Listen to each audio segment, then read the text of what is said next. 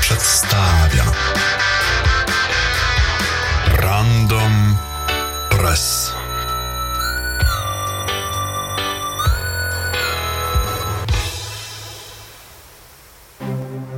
Kto ofisa makrem dziabie, ten nicienie znajdzie w schabie. A kto luki szuka w Cisco, wsiąknie w rytm Italo Disco.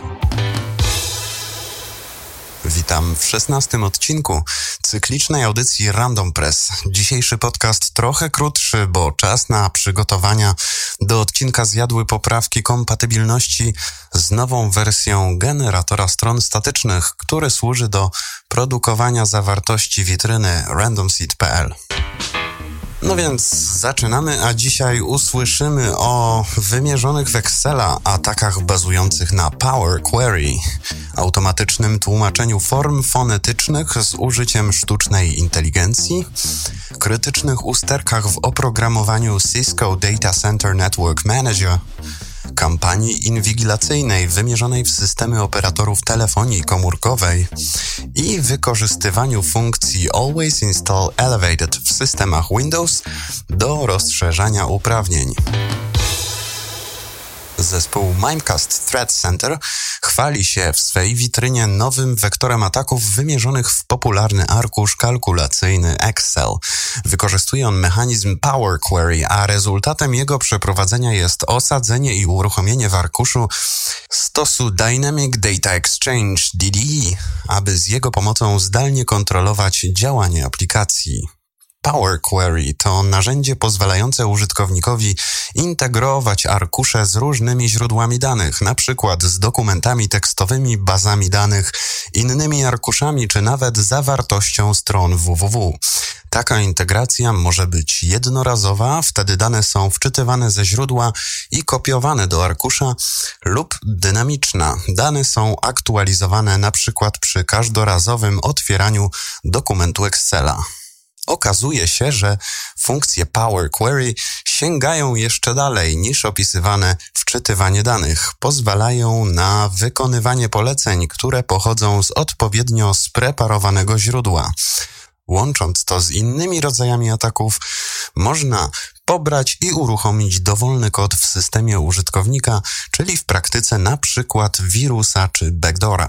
Wygląda to tak, że w jakiejś zewnętrznej lokalizacji dostępnej z użyciem protokołu HTTP umieszcza się plik wykonywalny z exploitem, to tak zwany ładunek, po angielsku payload, a następnie wywołuje się skrypt PowerShell w celu pobrania i uruchomienia niebezpiecznej zawartości. Specjaliści, którzy poinformowali o odkryciu, opracowali też dodatkowe sposoby przełamywania zabezpieczeń, np.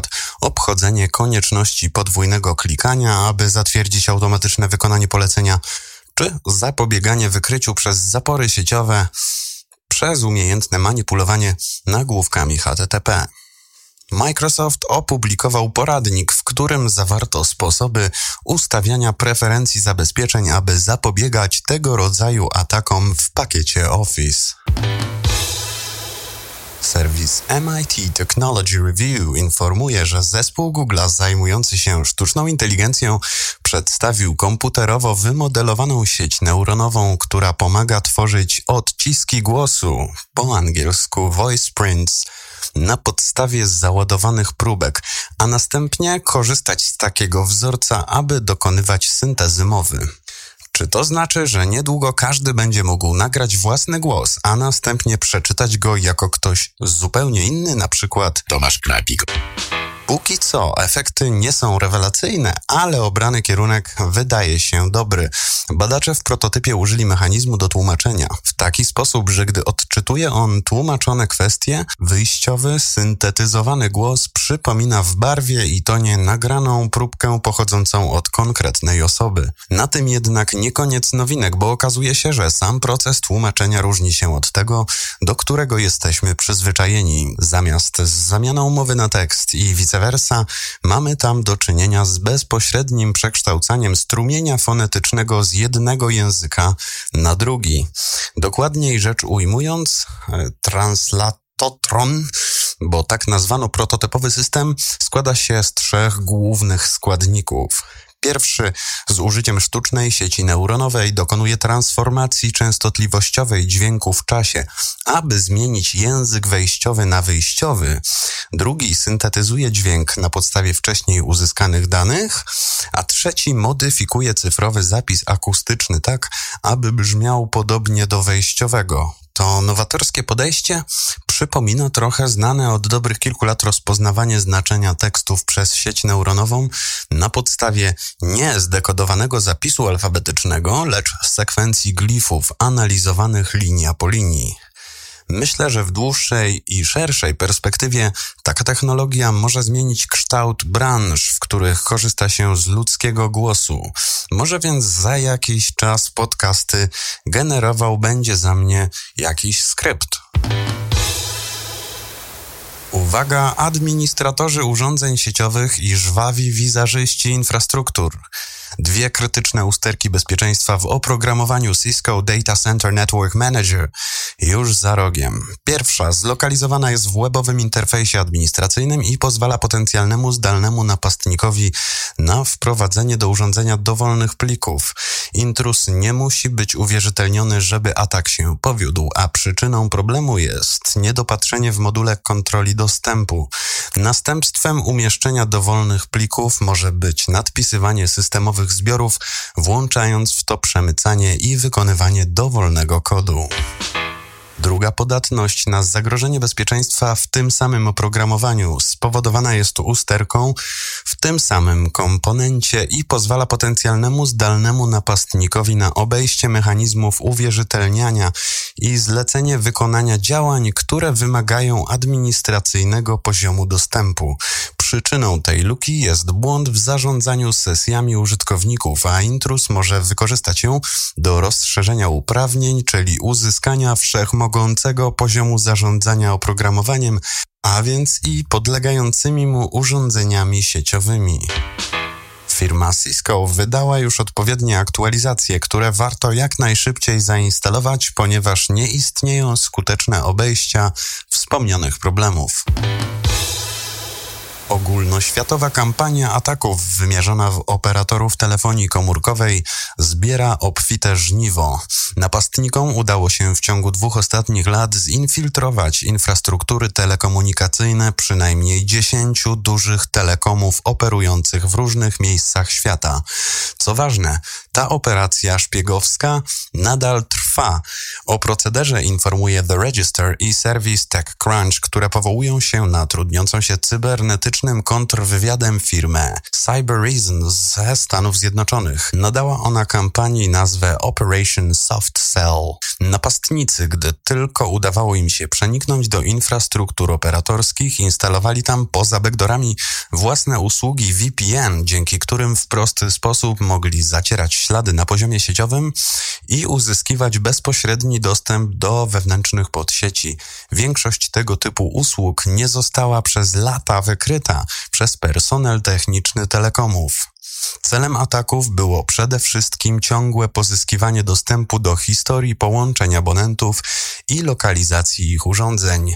Aby maskować działania, intruzi dokonywali połączeń tylko wtedy, gdy to konieczne. Czasami wstrzymywali aktywność na czas kilku miesięcy, żeby następnie połączyć się i pobrać zebrane raporty. Jeżeli chodzi o punkty wejścia, to napastnicy przełamywali zabezpieczenia popularnych usług sieciowych, np. serwera Microsoft IIS, aby po wejściu do systemu operacyjnego prowadzić dalszy rekonesans. Smakowitym kąskiem były dla atakujących serwery usług katalogowych, na bazie których funkcjonowały mechanizmy uwierzytelniania, jak przykład Active Directory czy eDirectory. Tam zakładali sobie odpowiednio uprawnione konta.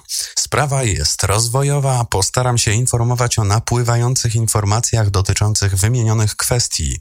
Warto jednak pamiętać, że bezpieczeństwo informacyjne bazujące na zaufaniu nie zawsze popłaca.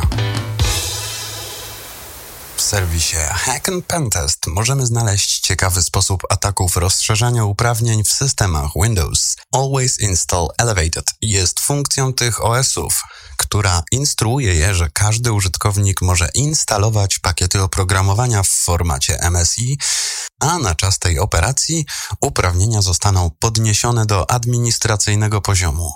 Przydaje się to szczególnie w domowych instalacjach czy niewielkich środowiskach biurowych. Jak nie trudno się domyślić, Always Install Elevated trzeba najpierw włączyć. W fabrycznej konfiguracji systemu Windows opcja ta jest wyłączona ze względów bezpieczeństwa. Opublikowany przez specjalistów z Hack and Pentest samouczek zawiera sposoby na jej ręczne bądź automatyczne włączenie. Gdy użytkownika da się wmanewrować w uruchomienie trojana, który tego dokona, albo gdy trafi się na system, w którym administrator wcześniej dokonał zmiany ustawienia, można prostym, domowym sposobem użyć tego trybu instalacji do rozszerzania uprawnień i wykonywania dowolnego kodu. Oczywiście nie jest to jakiś tam nowatorski, samodzielny atak wykorzystujący nową podatność na występowanie błędu bezpieczeństwa, ale pokazuje, ilustrując to przykładami w PowerShellu, jeszcze jedną ścieżkę awansu ze zwykłego użytkownika do administratora. To już wszystko w tym wydaniu Random Pressu. Życzę trochę niższych temperatur i do usłyszenia za tydzień. A kastodianem dzisiejszego odcinka ponownie był Adam CH. Pozdrawiam.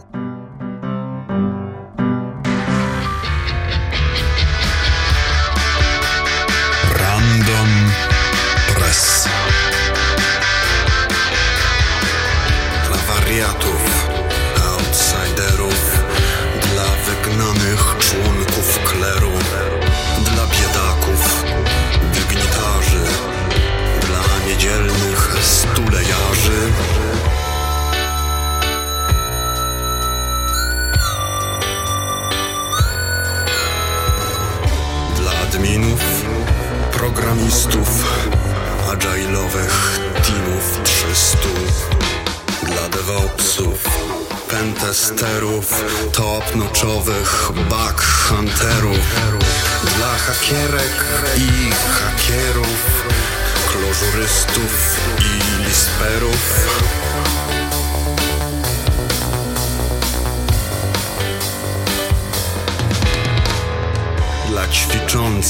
gdzieś dla masy Randomowy przegląd prasy